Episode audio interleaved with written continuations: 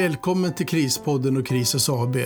Med Krispodden vill vi öka kunskapen om hur man kommer vidare i en kris och om hur man kan leva ett bra liv trots att man varit med om ett trauma. Regina Birkehorn som är krisexpert och författare kommer att berätta om fall hon haft under sina 20 år som krishanterare och utbilda i krispsykologi.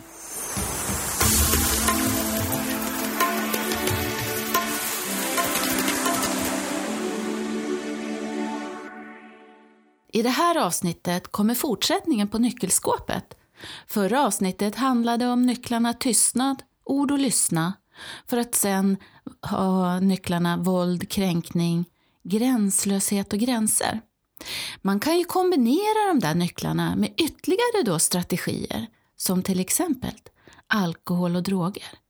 När påslaget av stresshormoner slår i taket, som de gör när man hamnar i kris eller konflikt, sorg eller, eller blir stressad, eller då vid en separation, då blir det här strategin för att lösa det där påslaget av stresshormoner genom att då dricka alkohol. Droger i det här sammanhanget, det är ju, menas då med allt som finns på ett apotek. Det handlar inte alltid om drogerna som finns på Plattan i Stockholm, utan det som finns i ett medicinskåp eller på ett apotek i form av värktabletter.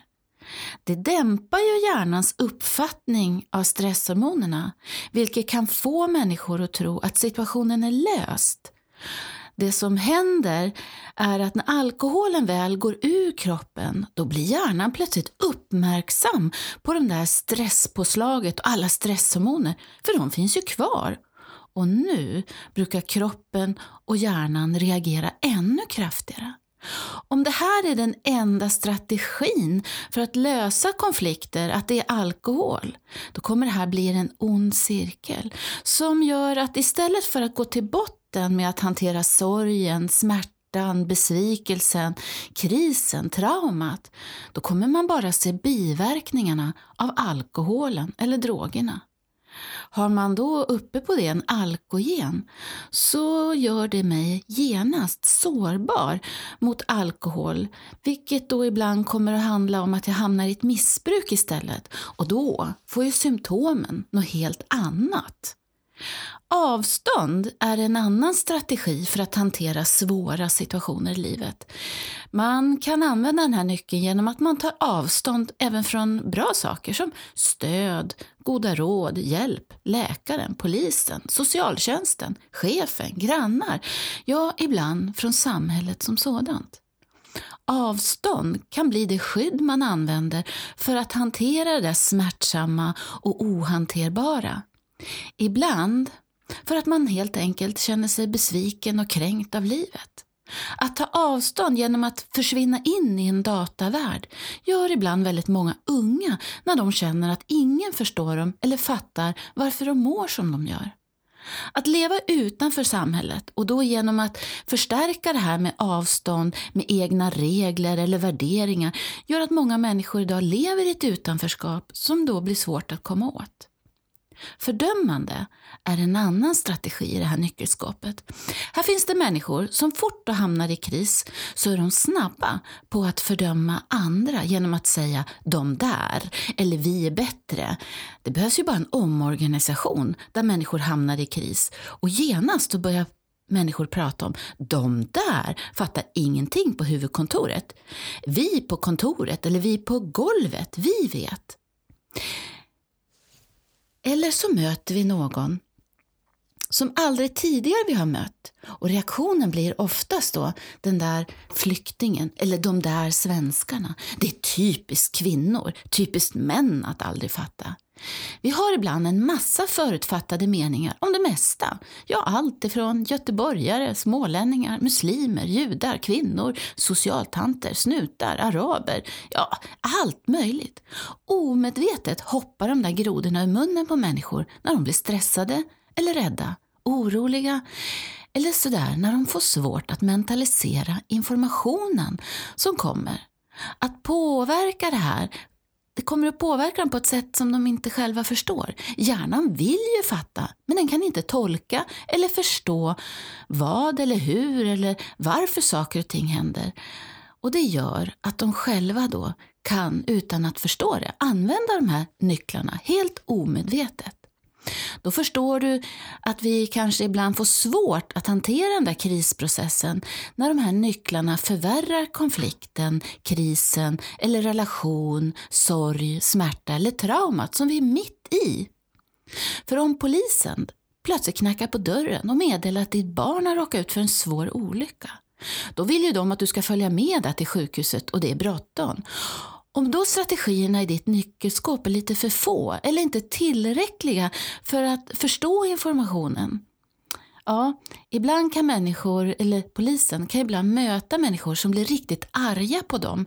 De kan ta avstånd eller så måste de stoppa någonting i munnen, något piller eller alkohol, innan för att lugna ner nerverna. Vi har alla sett vad som sker med människor som inte känner sig trygga och vad som händer med dem när till exempel kommunen beslutar att ordna ett boende för flyktingar. Genast finns det de som börjar gapa och skrika om att vi och de där. En del går till handgripligheter och löser det här på ett helt gränslöst sätt genom att ta lagen i sina egna händer eller då genom att elda upp problemet. Problemet är löst enligt dem. Det här sker i många andra sammanhang, som till exempel i ytterområden i samhället där, det utsätts då, där människor utsätts för bilbränder, stenkastning, där avståndet från samhället, lagen, hot, våld blir ett sätt att hantera att de känner sig sådär hopplösa i sin vardag, i sin situation. Ibland är det ju bara kriminella gäng som tycker att polisen är för närgångna. Att lösa konflikter och kriser, sorg och stress på ett, ett sådant destruktivt sätt, det gör ibland att den enskilda individen gör så här mot sin egen familj. Det är oftast då vi läser om den där familjen eller familjetragedin i tidningen, där mannen plötsligt slår ihjäl sin kvinna för att skilsmässan är ohanterbar. Det finns ett antal barn som faktiskt eh, slås ihjäl varje år i Sverige av föräldrar som inte vet hur de ska hantera sig själva eller barnet när de är trötta, frustrerade, irriterade och då inte klarar av att tolka barnets behov av omsorg och omvårdnad. Och då när man tar de här nycklarna, som våld och alkohol, droger, då får det konsekvenser som de flesta av oss faktiskt bara läser om i tidningen.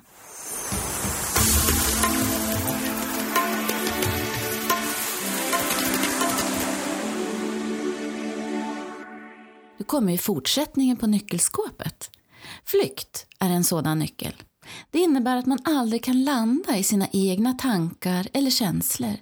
Ett sätt att eh, fly från sig själv det är faktiskt att engagera sig i andra människors olycka, sorg och dödsfall bara för att slippa att smaka på sin egen smärta, för den är så smärtsam och ohanterbar. Jag jobbar mycket med utbildning, vilket gör att jag träffar många duktiga frivilliga hjälpare i olika anhörigorganisationer i Sverige. Ibland möter jag människor som aldrig doppar fötterna i sin egen sorg utan hela tiden engagerar sig i andra människor och i deras sorger. Det här är jättevanligt. Vid ett sånt där tillfälle så höll jag på, eh, hade en föreläsning för föräldrar som hade förlorat barn i cancer. Mitt i utbildningen när jag kom in just på nyckelskåpet och berättade om den här strategin, flykt. Då plötsligt så ser jag hur en pappa mitt framför mig, han liksom nästan ramlar ur stolen framför mig. Jag förstod på en gång att den här nyckeln var hans sätt att hantera sitt barns bortgång. Utan att han hade sagt ett enda ord till mig anar jag vad han skulle berätta lite senare för mig. Och det var precis det som hände.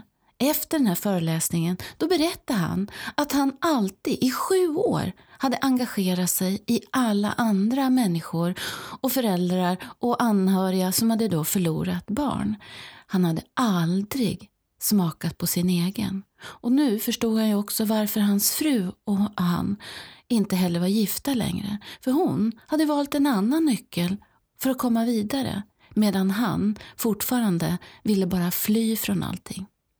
Jag träffar ibland ungdomar som berättar att så fort mamma blev arg på mannen För det här är också ett sätt att hantera flykt. Så fort det kommer konflikter så brukar den här mamman, hon kastar ut den här karn. Vilket gör att inom en väldigt kort tid så kom det in en ny man i livet.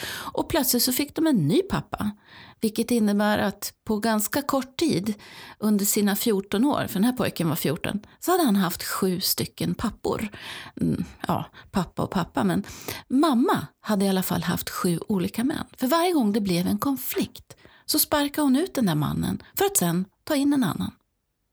Att stanna upp, att reflektera, det är nästa nyckel. Det här är ju stor skillnad att använda den här om man då alltid är på flykt. Den här nyckeln kräver att man som barn redan har föräldrar eller vuxna som då lär en hur man i lugn och ro gör i det där samtalet. Där man får möjlighet att reflektera, tänka, känna, smaka. Man behöver göra saker men man behöver framförallt höra hur vuxna tänker. Det innebär att man faktiskt pratar högt och inte bara tänker på insidan. Man vill ju lära barnen att reflektera över vad som har skett och att det faktiskt finns något praktiskt som man kan göra konkret för att lösa saker tillsammans. Jag kan ta ett exempel. Den här, det är när liksom man som förälder sätter sig ner och tar det där samtalet och tar informationen från barnet och frågar egentligen vad är det som är så svårt med den där matematiken till exempel. Om vi föräldrar bara lyssnar så kommer barnet kunna berätta. Det kan ju handla om helt andra saker. Och just i det här samtalet och i den här stunden när jag var med, då berättade den här lilla flickan att bakom henne, då satt den där pojken. Han drog henne i håret och han var så elak mot henne och hon vart så upprörd så varje gång det var matematik så kunde hon inte räkna. Och alla var så arga på henne för att hon inte förstod matten. Ibland behöver vi faktiskt bara fråga och lära barn att våga reflektera. I det här nyckelskåpet finns också nyckeln att stanna kvar. Det här gör många. Man stannar kvar i relationer som inte är hälsosamma. Det är svårt att släppa, det är svårt att gå vidare. En del håller så hårt i den här nyckeln, vilket gör att de blir som martyrer i sin egen kris. De uppfattas oftast som offer. Det är som att krisen beskriver dem. Det finns inget annat. Ungefär som den där sörjande änkan, sörjande mamman, den eh, gråtande pappan eller sörjande pappan. De håller så hårt i sorgen. Med andra ord, man håller sig kvar i krisprocessen. Det här finns också män som inte heller kan komma vidare utan hela tiden förbjuder sin fru eller snarare sitt ex att skaffa en ny relation för de är inte färdiga. De kan inte släppa. De kan inte släppa partnern eller frun som de har haft. De vet inte att det finns andra nycklar. Det här sker ju omedvetet. Här finns kvinnor som räddas ur bedrövliga, tragiska relationer där våld, och alkohol är vardag men som ändå lyckas skaffa en ny relation med samma destruktiva mönster. En del som jag träffar och som då i sitt eget försvar säger att den där mannen som de nu har träffat, han slår dem i alla fall inte. Nej, men han är kanske spelmissbrukare eller sexmissbrukare istället för alkoholmissbrukare. Ja, i och för sig lite bättre kanske än att alltid blivit slagen. En del hamnar tillbaka i exakt samma relation med exakt samma man trots att de vet att det är fara för deras eget liv. Och jag brukar säga, det är just det här våra barn, de ser ju faktiskt vad vi gör, inte vad vi säger, utan de ser rent konkret vad är det vi vuxna gör och vad lär vi våra barn? Det är de här nycklarna och några till som vi faktiskt lämnar i våra barns nyckelskåp. Det är det här de ska sedan använda för att lösa de där situationerna i vuxenlivet. Vi får aldrig en andra chans. Vi har den här första chansen att visa barnen vilka bra nycklar, för man ska ju veta, ingen nyckel är fel.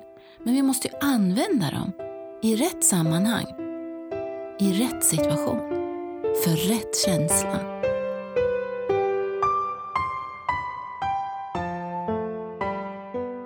Tack för att du lyssnat på Krispodden. Om du har frågor till Regina kan du mejla dem till info.krisos.se. Krisos stavas med C.